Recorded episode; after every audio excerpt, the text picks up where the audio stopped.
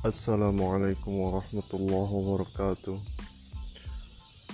Hari ini 10 Juli 2021 Bertepatan dengan 30 Dhul Qaidah 1442 Hijriyah Di Taman Yonghe New Taipei City, Taiwan.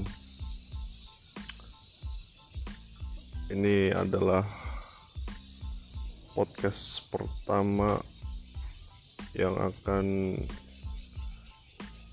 banyak berbicara tentang perjalanan hidup gua. Jadi bermula dari kebingungan atau kegalauan gua selama menjalani kehidupan ini. Oh iya, saat ini gua berada di Taiwan dalam rangka menempuh pendidikan S2 atau magister di jurusan Urban Governance. Nama kampusnya National Taipei University kalau dalam bahasa Mandarin Kuali Taipei Tashui Alhamdulillah Alhamdulillah Alhamdulillah. Hari ini sesuatu karena bisa bangun sholat subuh bareng. Kemudian sedikit baca-baca belajar ini belajar itu dan bisa berolahraga di tengah-tengah pandemi yang cukup parah. Tahun ini katanya begitu ya.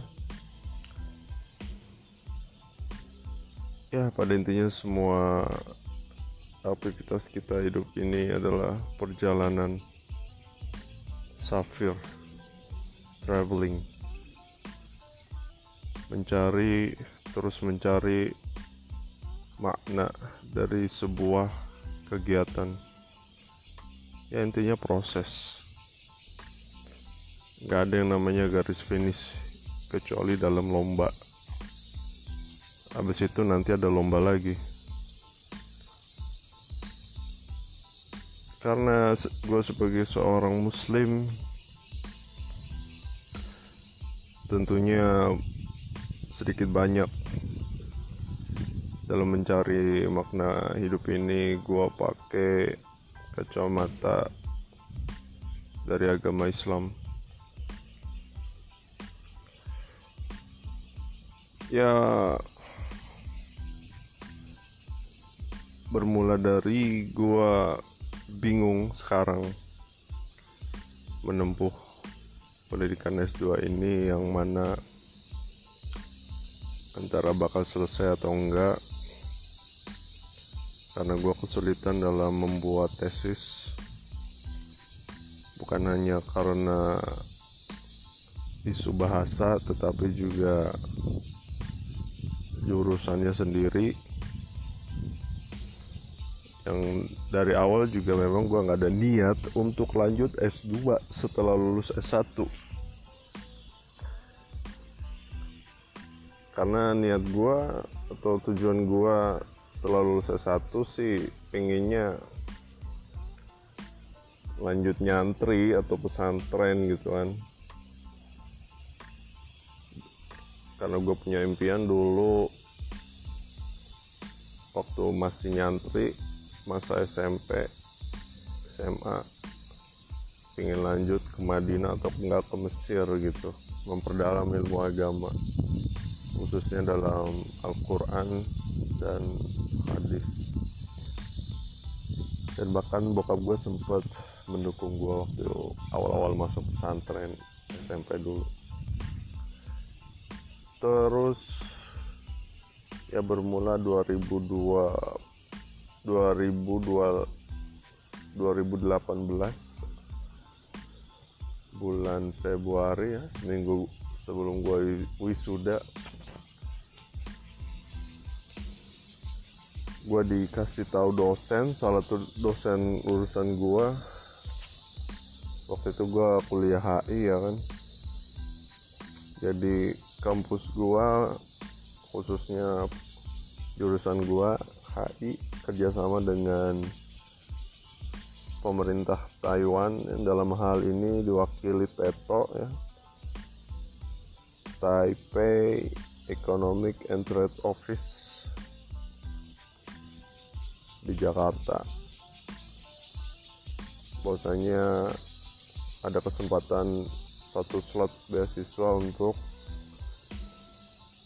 kampus gua.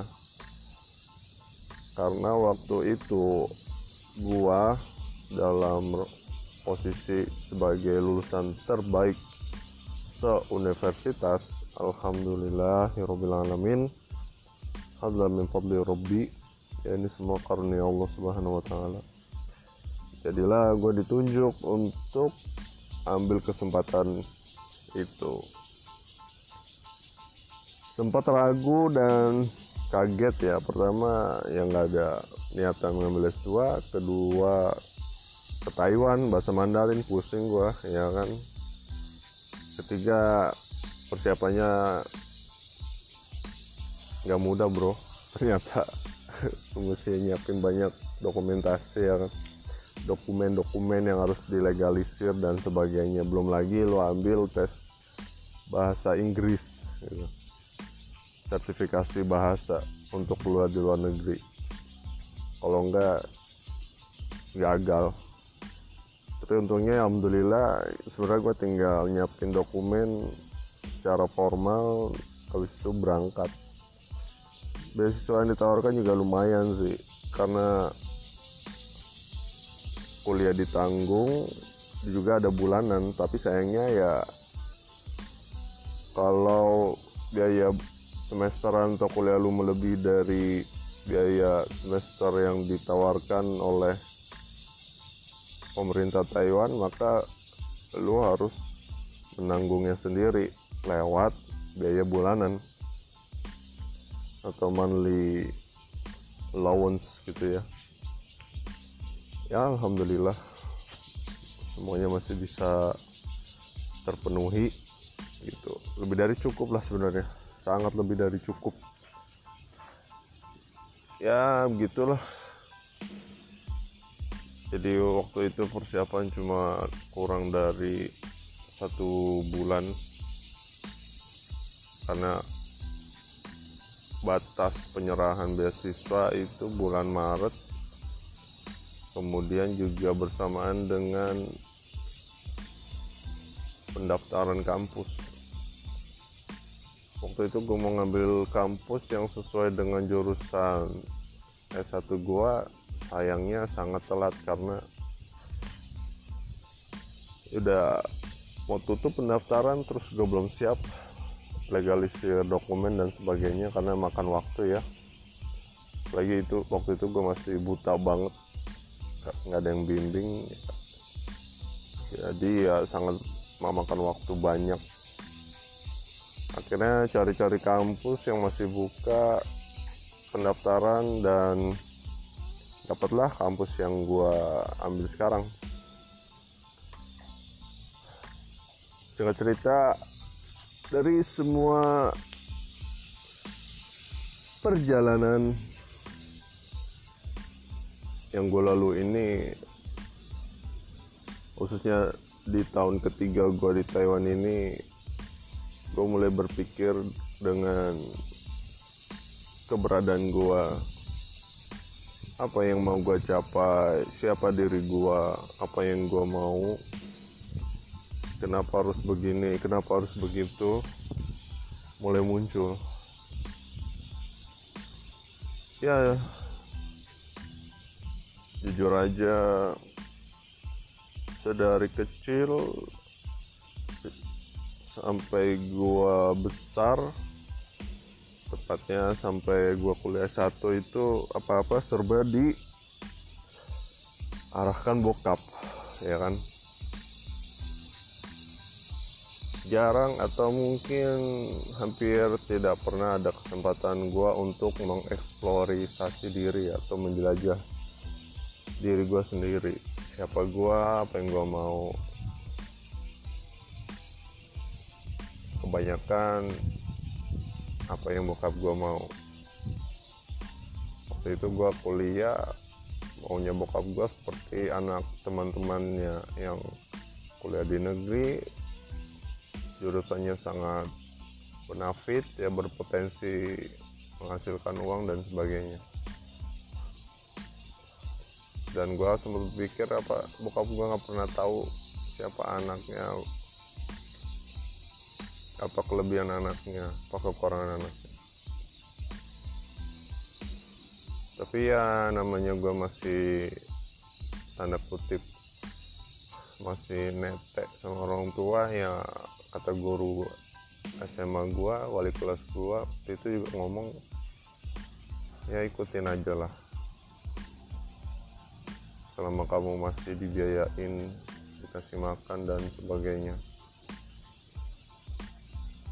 Karena di sisi lain juga bokap udah banyak berjuang dan berusaha untuk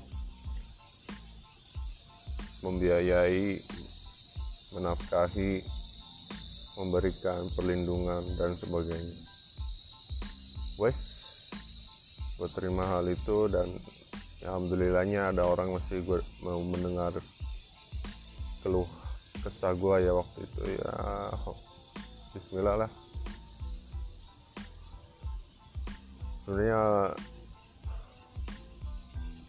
kompleks banget karena gue selalu kadang mencoba untuk cari jawaban dari sisi agama dan juga pengalaman hidup. Jadi kadang-kadang gue kesulitan untuk berucap atau mengungkapkan. Di samping dari dulu gue banyak memendam perasaan dan gue belum mampu untuk mengolah dan mengendalikan emo emosi dan pikiran gue untungnya ya Alhamdulillah di saat-saat kegalauan gue Allah subhanahu Allah subhanahu wa taala membimbing gue dengan mengenalkan dengan salah satu tokoh agama atau kiai asli kampung kata temen gue ya kan dari Mesir yang nggak pernah kuliah di luar negeri tapi sanat keilmuannya kapasitas keilmuannya udah setara dengan chef-chef di Mesir. Namanya Kiai Haji Bahaudin Nur Salim atau biasa dikenal Gus Baha. Allahu Akbar Masya Allah Tabarakallah. Ya Allah betapa indahnya pagi hari ini. Kalian bisa dengar ya suara jangkrik dan burung saling saut menyaut menyambut berkah pada pagi hari ini menyambut teriknya sinaran matahari pada hari ini. Masya Allah Tabarakallah. Subhanaka Subhana ma khalaqta hadha batilan.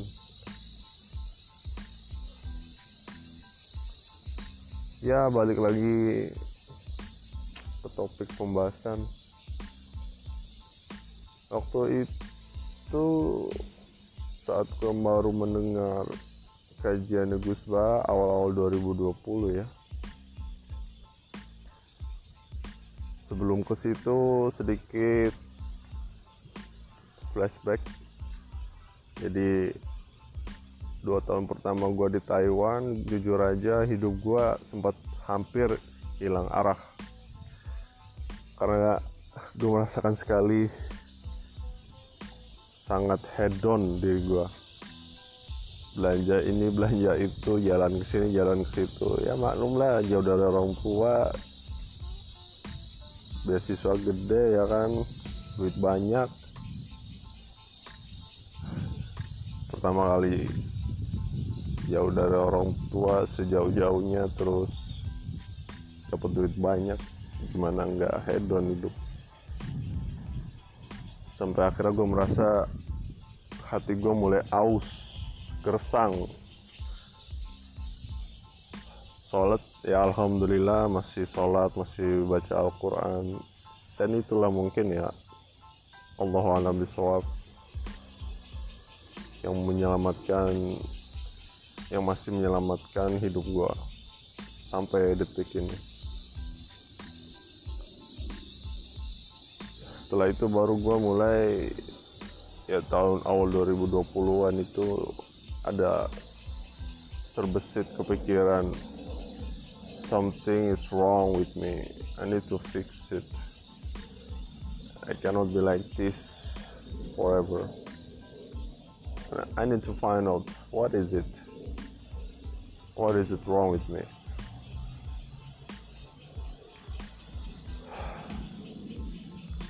ya alhamdulillah. Untungnya juga gue masih ada guru. Guru yang udah gue anggap guru spiritual dari dosen HI gue dulu namanya Mas Nanda Apalis. Gue perlu sebut namanya karena ya beliau sangat berjasa salah satu orang yang sangat berjasa dalam kehidupan gue dan banyak guru-guru lainnya ya. Cuma dalam kondisi yang benar-benar gue bingung menentukan arah hidup ini masih ada dosen yang sangat humble bijaksana dan peduli sama muridnya sangat peduli. Ya, beliau pengajar HI tapi pekerjaan utamanya adalah sebagai diplomat Kemenlu. Sekarang bertugas di Australia. Allahu Akbar Allah maghfir lahu ya jadi mulai awal tahun 2020 sampai sekarang gue masih mencari jati diri gue tapi masya Allah tabarakallah sedikit tap, sedikit demi sedikit. Pelan tapi pasti uh, gue mulai menemukan banyak jawaban. Mulai menemukan puzzle-puzzle yang sempat hilang. Tentang eh, diri gue ini. Terutama saat gue mulai ikut kelas yang namanya productive school. Di situ dibahas tentang design your life dimulai dari discover yourself. Pembicaranya Kang Coki Irsyaki sebelum ke situ gue sempat ikut kelas pembelajar produktif yang diisi oleh Bang Umar Al Faruqi semuanya lulusan ITB Masya Allah sejak gue ikut kelas itu semacam gue makin dapat pencerahan dan gue makin yakin dengan apa yang gue sedang jalani yang gue alami. Istilah tren yang lagi lagi viralnya itu quarter life crisis dan ternyata setelah gue hubungin teman-teman kuliah gue ya hal yang umum mereka juga mengalami itu ada yang sedang dan bahkan mungkin udah keluar dari fase itu. Dan ini menjadi satu jawaban atas analisa gua yang udah lama gua amati ya selama gua kuliah. Jadi waktu gua kuliah satu itu gua telat lima setengah tahun ya.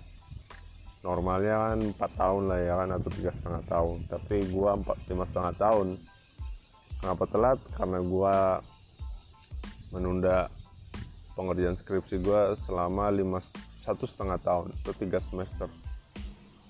Jadi gua masuk 2012 harusnya kan selesai 2016 tapi gua selesainya 2018 awal tahun jadi gue coba cari tahu baru-baru ini bukan gua doang dan bahkan gue juga punya teman seangkatan yang udah gua anggap itu mereka lebih pintar dari gua ya. Karena mereka suka baca buku sedangkan gua enggak. Gue males banget baca seriusan. Demi Allah. Tapi gue kaget aja kenapa mereka bisa lebih lama. Dan nggak cuma di jurusan gue ternyata di, di beberapa jurusan juga demikian. Faktor yang pertama dan paling pertama adalah uh, kondisi keluarga yang nggak kondusif ya. Kayak gue di kalau gue serba dituntut serba di uh, paksa ya kan?